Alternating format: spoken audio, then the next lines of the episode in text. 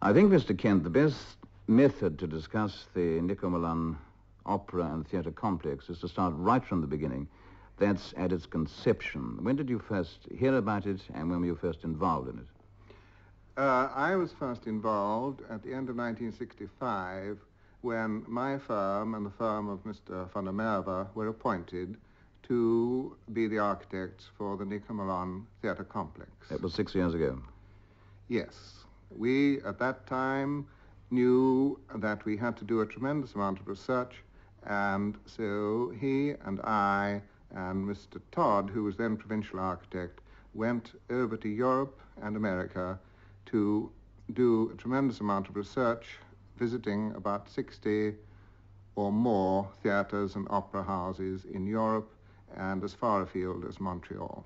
So then you came back to Cape Town, having formed an idea of what this complex would look like roughly.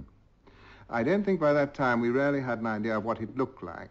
We did a fairly uh, exhaustive report on uh, what we had found, and in it we recommended that for the requirements that they had suggested to us, which was uh, opera, musical comedy, drama, uh, ballet, concert, that we should have not one uh, auditorium and stage, but we needed two.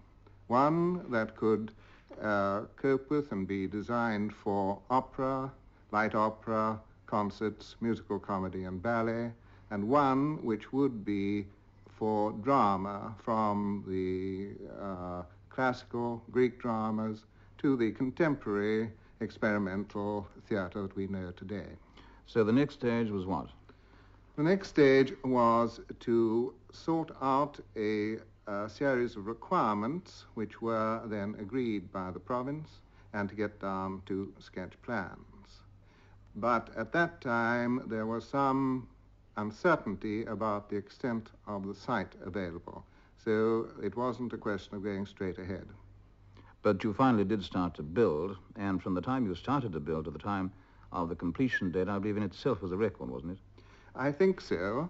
Uh, we actually were only at sketch plan stage in the middle of 68, uh, at which time it was intended that it would be a five-year program to completion, when suddenly it had to be designed and built in three years.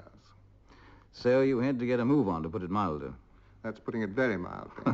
and it could have only do- been done by a team effort and cooperation all round. Team effort from the architectural point of view, the construction point of view, plus all the subcontractors involved.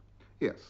We um, established a separate office and uh, got to work on the drawings and we negotiated a contract with one of the leading firm, firms of contractors as there was not time to go to tender. Let's now discuss the complex as is, as completed, divided roughly or certainly into two the theatre side of it and the opera house side. Let's consider the opera house first. How would you describe it architecturally?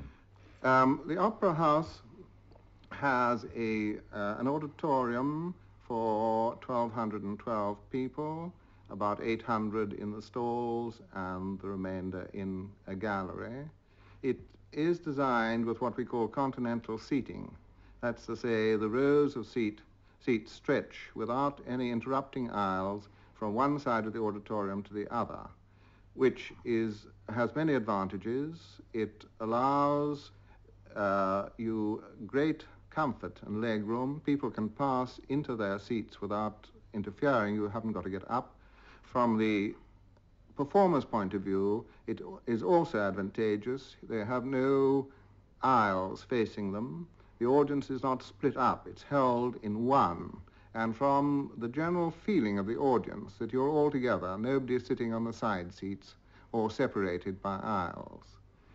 So that, that were, we have used that type of seating both in the opera house and in the drama theatre with a pretty sharp rake on the seating. The, yes, the, the rake is such that you have a four-inch clearance uh, of your sight above the head of the person in front of you, whatever position you're in. So each uh, member of the audience has a perfectly uninterrupted view.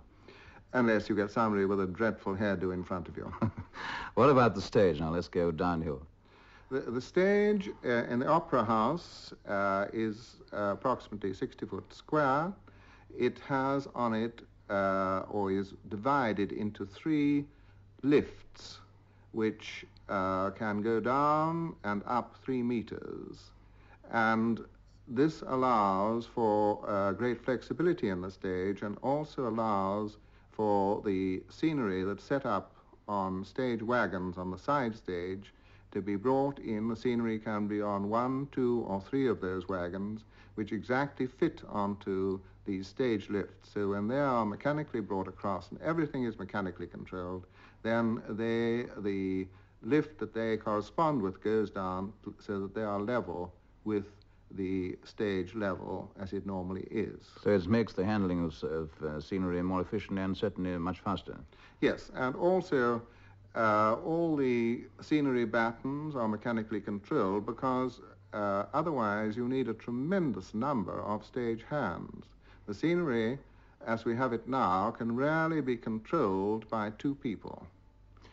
Let's think of the theatre briefly. Uh, is that much the same sort of concept? Yes, the theatre um, is much the same complex. It is more compact. That's to say, the radius of the curve of the seats is less, the rake is slightly more, and the uh, arrangements of the orchestra pit form a forestage, and the front two rows of seats can be removed, and so that portion of the floor can also come up and form what we call a thrust stage, which gives you really six different portions with the orchestra pit of lift that can be arranged in different shapes to suit the production. Overall, Mr. Kent, what about lighting? That's pretty sophisticated, isn't it? Yes, the, the lighting in both the opera house and the drama is electronically controlled. There are approximately 250 dimmers dimmer circuits in the Opera House and 150 in the Drama Theatre. They uh, are all pre-selected. That's to say, at the in the lighting rehearsals, uh, the actual lighting patterns are recorded electronically. 40 cues can be kept in a memory system, and any number can be stored uh, on punch cards, which can be brought into play and the lighting pattern set up at will for any particular production.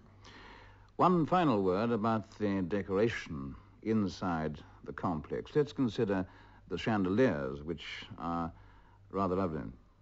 Well, I'm glad you think so. We think they are. They were uh, designed by ourselves here. Sketches were done and sent to a firm in Murano who has been making glass and glass fittings for since 1300, this firm, who worked up our design, sent us sketches. We have been over there, and I was over there uh, about 15 months ago selecting the colors, and uh, they have successfully been brought out here, and I think they look rather spectacular. And the tapestry?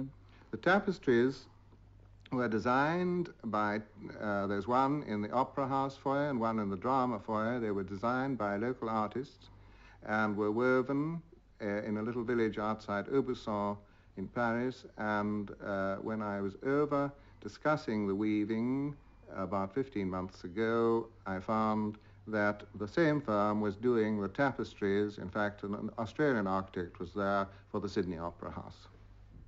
The whole complex takes the form of an L, doesn't it? That is so. Why is that?